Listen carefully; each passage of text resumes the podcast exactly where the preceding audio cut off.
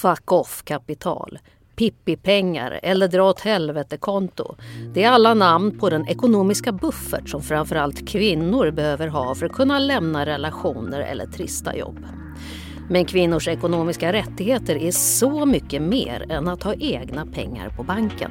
Välkomna till Femdefender-podden.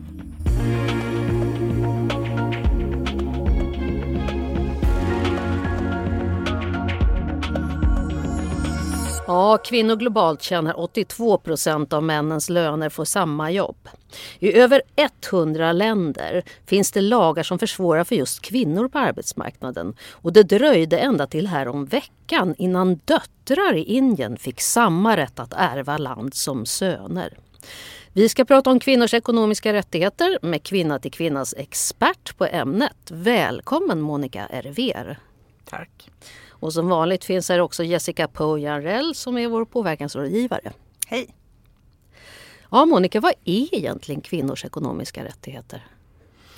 Ja, det är en bra fråga. Eh, det är ett ganska brett begrepp som egentligen innefattar väldigt många dimensioner som har med ekonomi att göra eller att få en bra ekonomi att göra. Det vill säga ägande. Och det är inte bara det är kontrollen det handlar om också då. Eh, det handlar om land som du nämnde förut. Det handlar också om säkerhets, alltså trygghetssystem, försäkringar och så vidare. Och det handlar också om arbetsmarknaden och betalt arbete. Eh, men även sådana saker som hälsovård och utbildning. Så det är ett ganska brett begrepp. Och sen finns det ju andra saker man också tänker på när det gäller ekonomiska rättigheter och det är ju vad vi då kallar för kvinnors ekonomiska egenmakt. Det är säkert ett begrepp som många har hört talas om. Ja, eller också inte. Jag skulle säga att det är ett lite svårt begrepp. Vad, vad är ekonomisk egenmakt? Det är ju på engelska så säger vi empowerment och det är ett begrepp som är ganska svårt att översätta till svenska och det har blivit egenmakt till slut. Och det som, det som är det intressanta i det, det är att rättigheter är ju någonting som finns konventioner på, massa regelverk. Men att då empowerment är själva processen. Så att även om det finns ekonomiska rättigheter i lagstiftning i Sverige så kanske jag ändå inte vet vilka de är eller vet hur jag ska använda mig av dem. Och då är själva den här egenmaktsprocessen det som gör att jag blir medveten om dem och kan, kan agera och kan använda mig av dem. Så det är på något sätt mer en, en upplysningsfas då den, mm, att, mm. ut, att kvinnor kan utbilda sig och vet vad de har för rätt till pensioner och rätt till då, ja, det finns väl olika funktioner i socialförsäkringssystemen och sånt där. Precis. Men du, varför är det här med eh, ekonomiska rättigheter en viktig fråga i sig? Går inte det här in under jämställdhet i stort? Nej, det gör det, eller det gör det ju naturligtvis. Men det är viktigt att man lyfter det här för att det finns så många bitar i jämställdheten och ekonomiska rättigheter tycker jag då är en av de mest grundläggande i relation till många andra saker. Och eh, vi kan också se att under olika perioder i eh, kvinnors kamp så har vissa bitar varit viktigare och nu kommer ekonomiska rättigheter tillbaka på agendan igen. Och det har inte bara med covid att göra utan det har också med att klass har blivit viktigt igen. Klassfrågor är viktiga igen. Och idag då så är vi ju så väl medvetna om att obetalt arbete är ju en större del av kvinnors arbete än det betalda ofta. Eh, så att när vi pratar arbete och ekonomiska rättigheter då är ju det hela den diskussionen innebär också då obetalt arbete.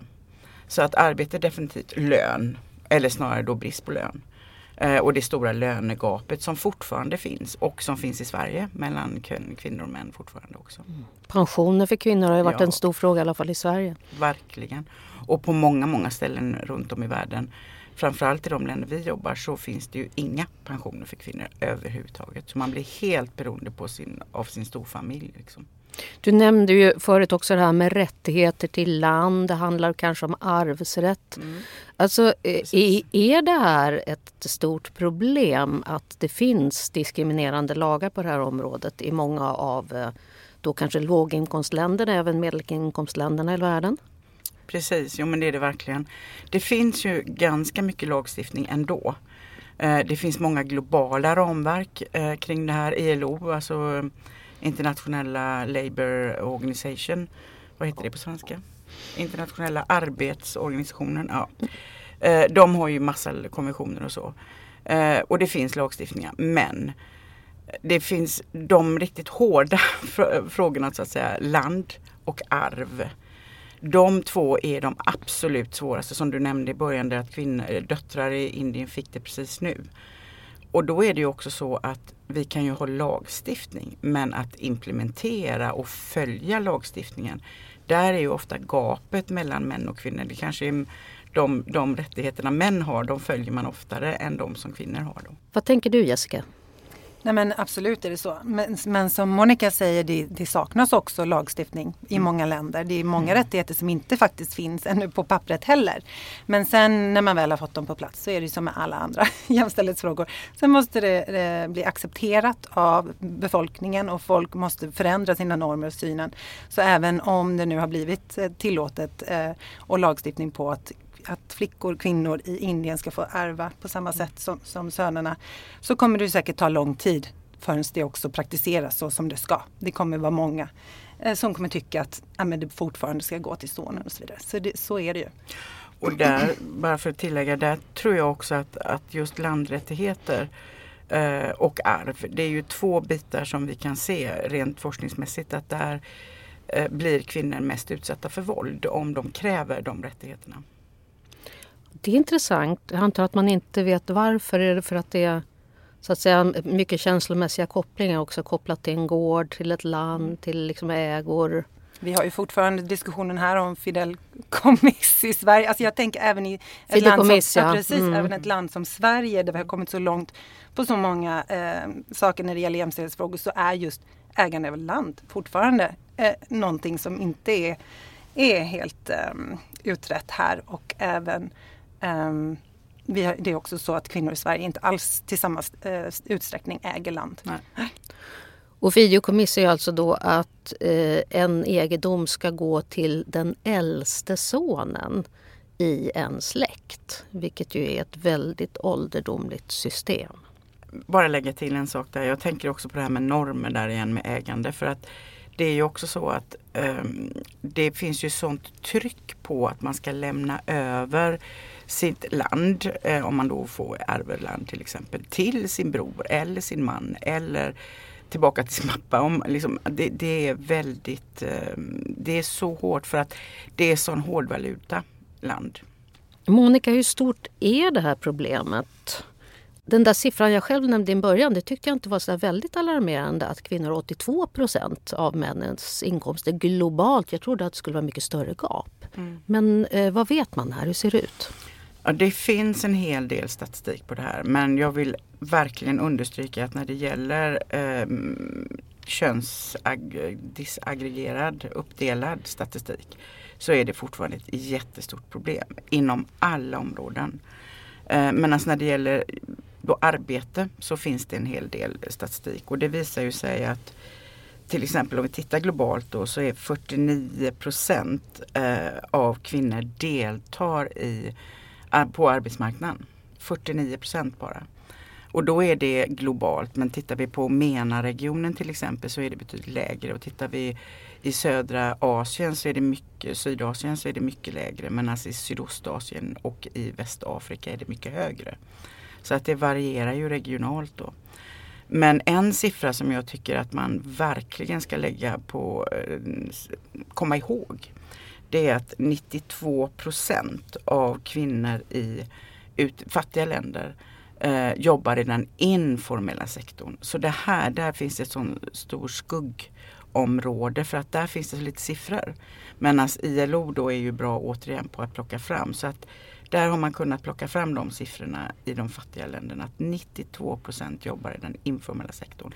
Vilket innebär vad vi pratade om förut med skyddssystem och trygghetssystem och fackföreningar och så vidare. Att man har inga möjligheter att påverka utan det är de lägsta lönerna, fruktansvärda arbetsvillkor och ofta sexuellt trakasserade. Så att det är, det, och sen finns det en annan siffra som jag med tanke på att vi har pratat så mycket om landrättigheter nu. Globalt så äger mindre än 15 procent eh, jord, alltså kvinnor mindre än 15 procent av kvinnor äger jord. eller land och det är ju inte många. Så att eh, det tycker jag säger en del om hur just landrättigheter är en sån eh, viktig fråga. Jessica, eh, Kvinna till kvinna arbetar ju i länder påverkade av krig och konflikt. Men eh, hur hänger det här på något sätt ihop med kvinnors ekonomiska rättigheter och eh, hur påverkas det av konflikter? Ja, men på individnivå så blir ju såklart alla människor mer utsatta under konflikt och inklusive på ekonomiskt sätt när arbetstillfällen försvinner och matpriser går upp och så vidare.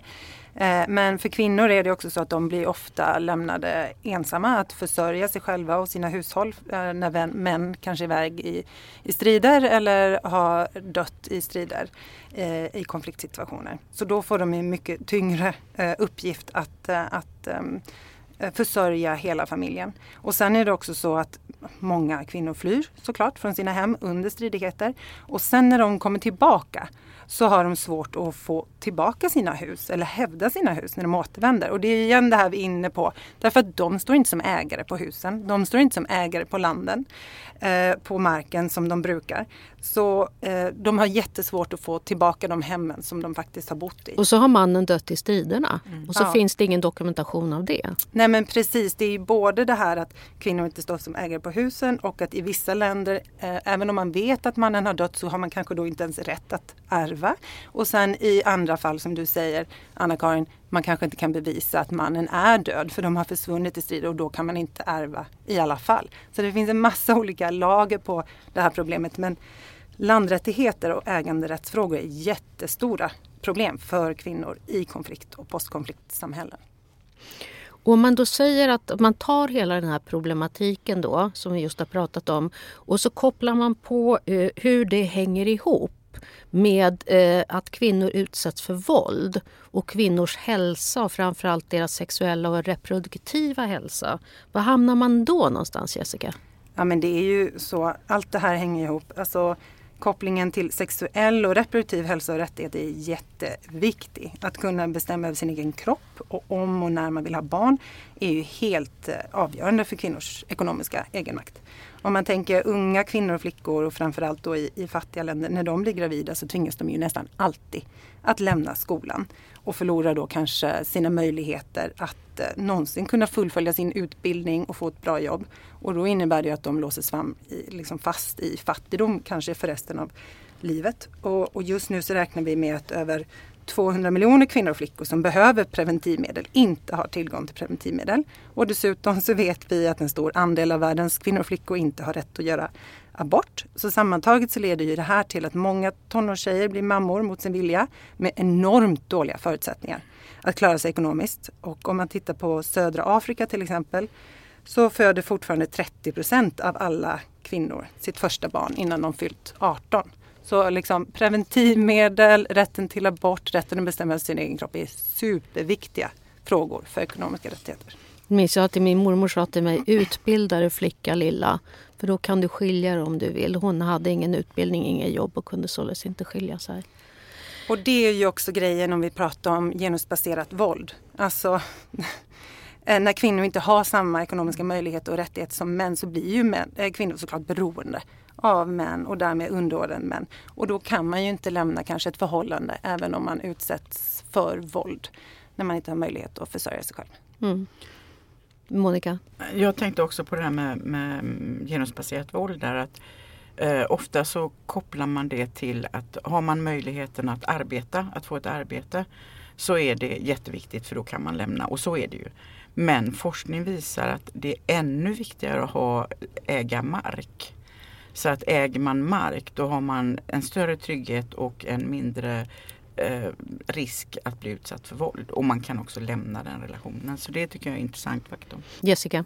Nej, men en annan sak eh, som kopplat till ekonomiska rättigheter och, och, och risken att utsättas för våld är ju också så att om man inte har möjlighet till försörjning så blir man ju också väldigt sårbar och mm. lätt att utnyttja och det leder ju till att människor i mycket högre grad också blir offer för människohandel eller trafficking eller känner sig tvungna att sälja sex för att överleva Eh, och sen den här siffran som Monica nämnde tidigare med att 92 procent av alla kvinnor i låginkomstländer jobbar inom den informella sektorn, vilket är alltså då liksom svart, äh, mm. svarta jobb.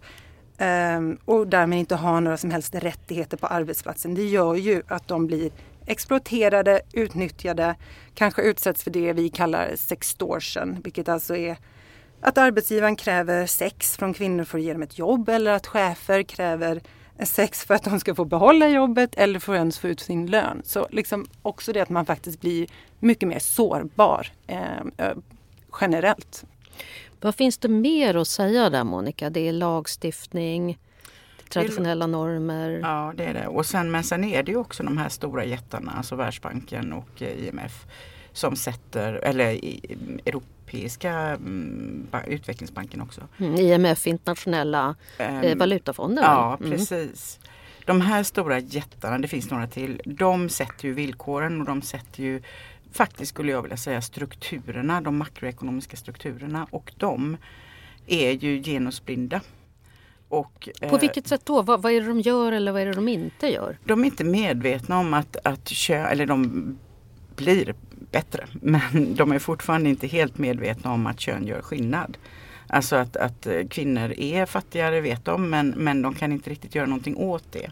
Eh, genom att, för då måste man gå in med genderstrategier där man har, man är tydlig med vart går pengarna, vilka kvinnor får, vilka kvinnor får inte. Och sen är det ju en, ett, det största problemet tycker jag då är ju att Världsbanken lånar ut pengar. Och när Världsbanken lånar ut pengar så betalar länderna ränta tillbaka. När de räntorna är ofta väldigt höga. Och kan man då inte betala de här räntorna så innebär det att man tar bort någonting och då tar man bort statens skyddsnät. Och det, alltså de pensioner eller trygghetssystem. Och det slår alltid hårdast mot kvinnor. Och det ser vi nu, det är ett stort upprop just nu där eh, IMF ska öka räntorna till de som fick extra pengar under covid. Och när man nu gör det så slår det direkt mot kvinnorna. Så att det är många civilsamhällesorganisationer som är väldigt upprörda över detta just idag. Jessica? Ja, nej, men jag skulle verkligen bara vilja hålla med där att, att, att de det sättet som just IMF och, och Världsbanken lånar ut pengar på och de krav som de ställer på länder som de lånar ut pengar. Det handlar ju ofta om att de länderna då ska ha så liten offentlig sektor som möjligt och så litet liksom välfärdssystem som möjligt. Var, varför då? Eh, för att de ska, det, det, kallas austerity på engelska, men liksom för att de ska ha en så smal budget som möjligt. De ska vara austerity, så, åtstramningen. Ja, åtstramning, mm. precis. Eh, och när det inte finns eh, en välfärd som erbjuder vård, barnomsorg, äldreomsorg, då blir det kvinnornas uppgift att ta hand om de här mm. sakerna. Och då har inte kvinnor samma möjlighet att gå ut och jobba och tjäna pengar. Så att det här med välfärden, alltså utan välfärd, utan ingen jämställdhet kan man säga. Precis. Så i princip de, den typen av policy som IMF och Världsbanken har haft de senaste decennierna eh, har ju lett till att många låginkomstländer har inte kunnat eh, bygga upp system som, som gynnar vare sig välfärd eller jämställdhet. Monica Erver. Sen så är det en sak till som jag tycker är oerhört viktig när vi pratar om det här och det är ju om vi tar det ännu mer på strukturnivå och går förbi aktörerna på något sätt och det är ju det här att det finns en föreställning om att ekonomisk tillväxt ger ökad ekonomisk jämställdhet. Det är falskt. Det finns hur mycket forskning, det kom ut en bok senast förra året på Rutledge om det här som visar att det stämmer inte. Det har Världsbanken och IMF uppfunnit. Och det kallar de för smart economics, det här fenomenet. Däremot så kan vi se jättetydligt att ekonomisk jämställdhet ökar ekonomisk tillväxt. Så att åt andra hållet, har man ett samhälle som är mer jämlikt eh, och kvinnor har möjlighet att arbeta och äga land och så vidare. Då ökar den ekonomiska tillväxten men inte tvärtom. Och det har varit en myt som man väldigt mycket driver.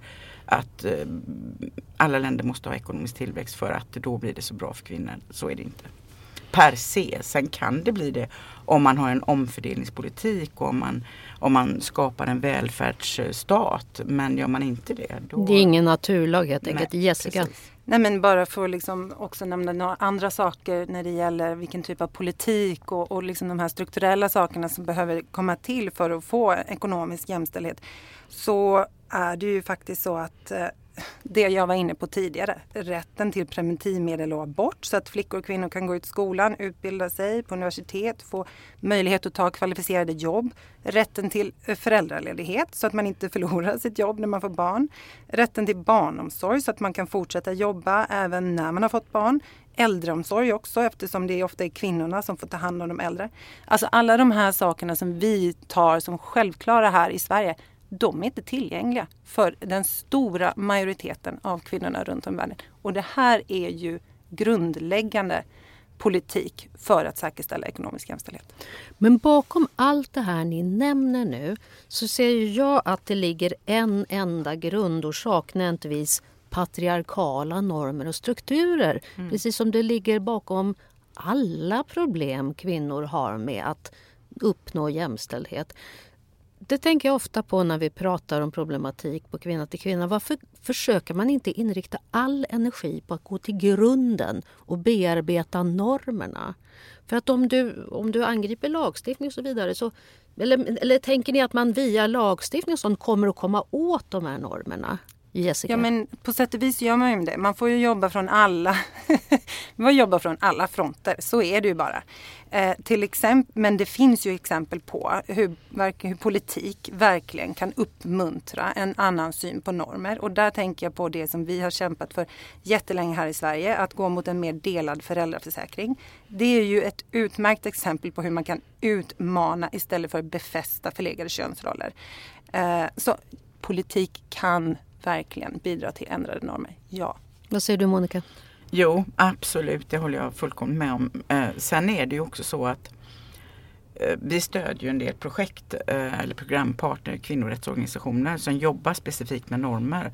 För det är ju också så att det finns lagstiftning men sen så behövs normen ändras. Och ett av de exemplen är ju en organisation i DRC, eller republiken Kongo, Demokratiska republiken Kongo.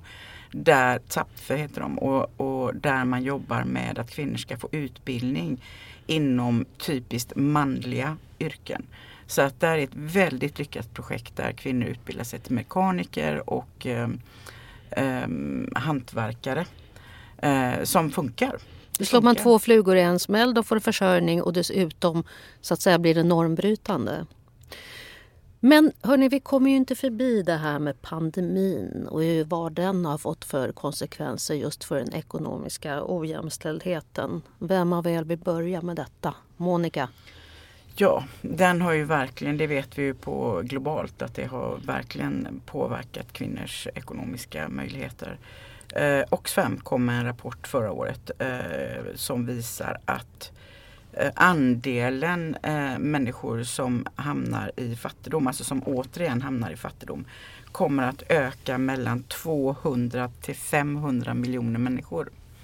Och det kan man ju tycka är en stor skillnad, 2 till 500. Men, och det beror på att de bygger den här eh, rapporten på tre olika forskningsresultat. Men oavsett, det är jättemånga människor. Så att det där, och det slår ju mer på kvinnor som, som vi har sagt tidigare. Så att det är ju väldigt, väldigt skrämmande. Kvinnor har tappat mer arbete eller har lämnat arbetsplatser eh, för att de har blivit uppsagda på ett annat sätt. Återigen otrygga jobb. Det är de och, som ryker först. Precis, och, exakt. Och också måste man koppla ihop det här med hela den obetalda eh, arbetet eh, och det som vi kallar för care economy. Jessica Bojenred. Ja, nej men det är ju precis så. Alltså både det här att kvinnorna är de som förlorar jobben först eftersom de är mer anställda inom informella sektorn, har ingen eh, trygghet, de kan sparkas på dagen och få ingen ekonomisk ersättning.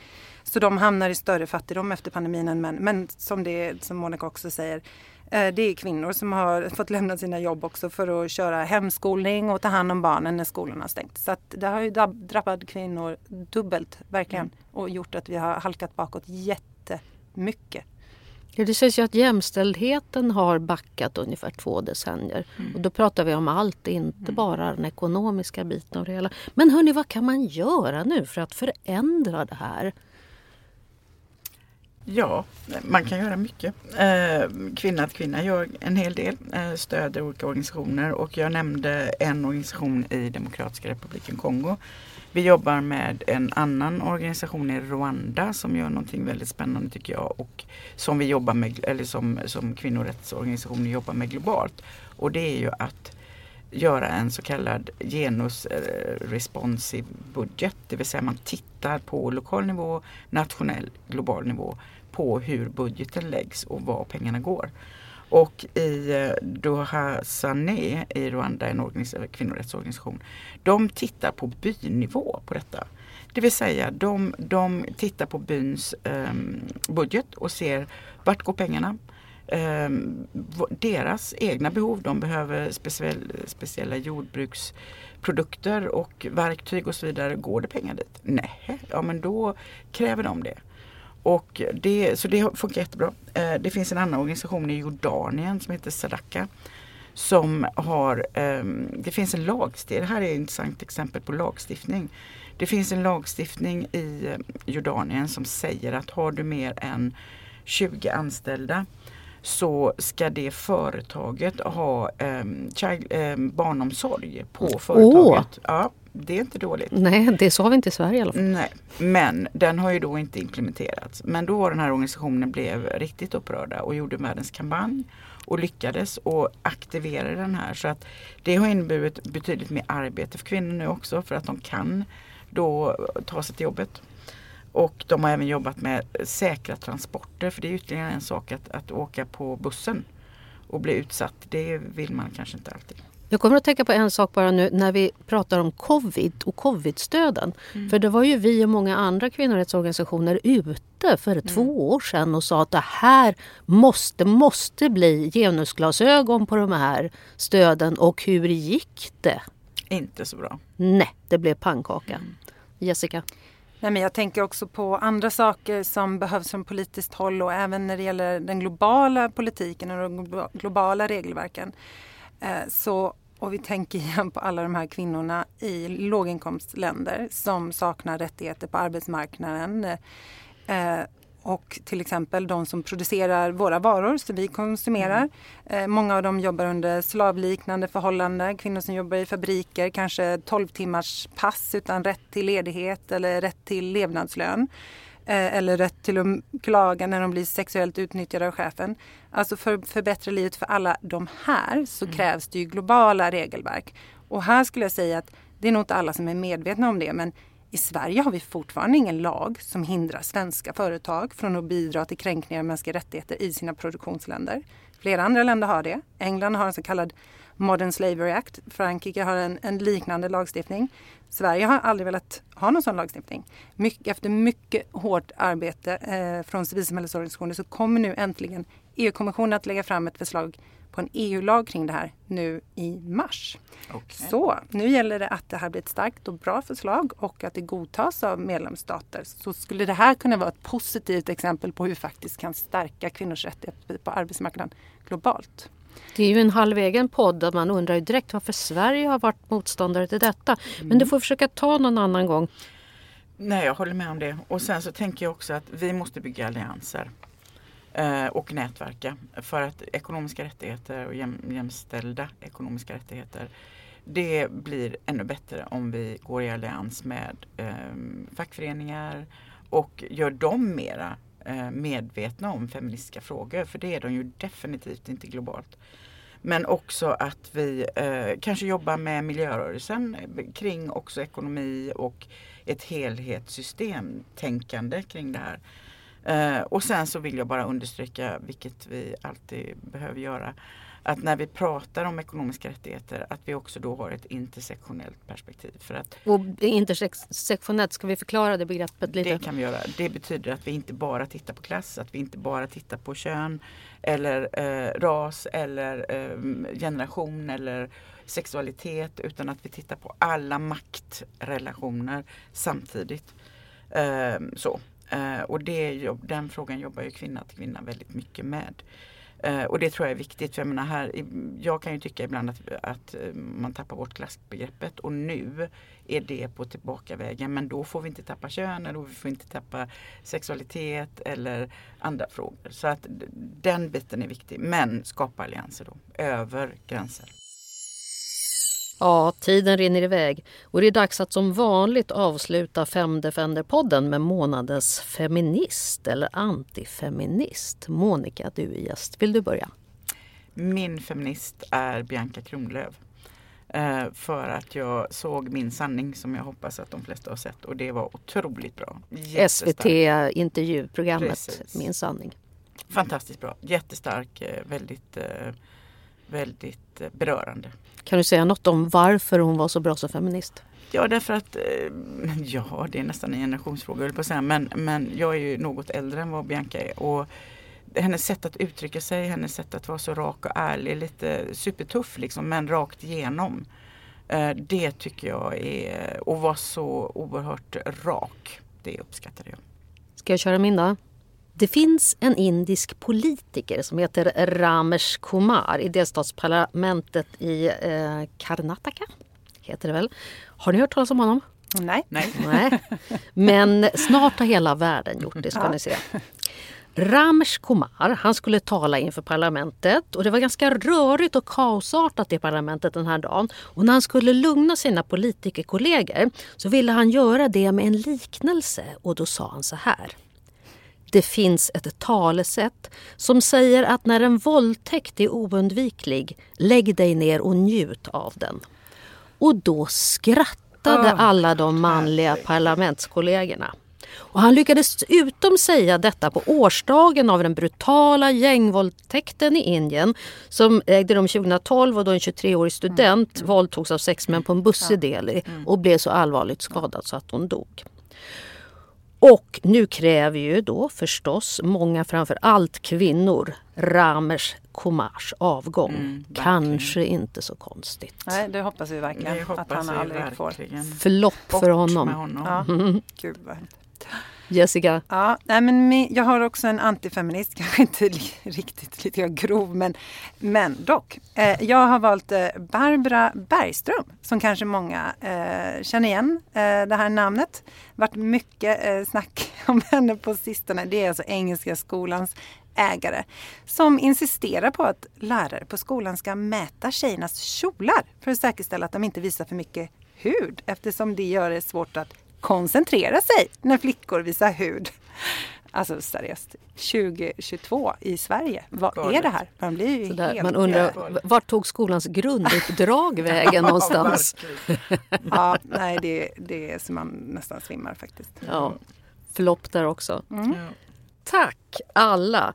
Glöm inte att du alltid kan mejla oss med frågor eller synpunkter på femdefenderpodden kvinnatillkvinna.se. Idag har du hört Monica Erver och Jessica Pojarell. Jag heter Anna-Karin Hall och nästa avsnitt kommer om en månad. Vi hörs!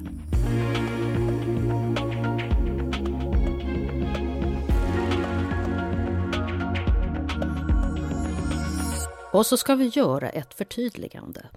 I det här avsnittet säger vi att 15% av alla kvinnor är landägare. Vad vi menar är att bara 15% av alla landägare globalt är kvinnor.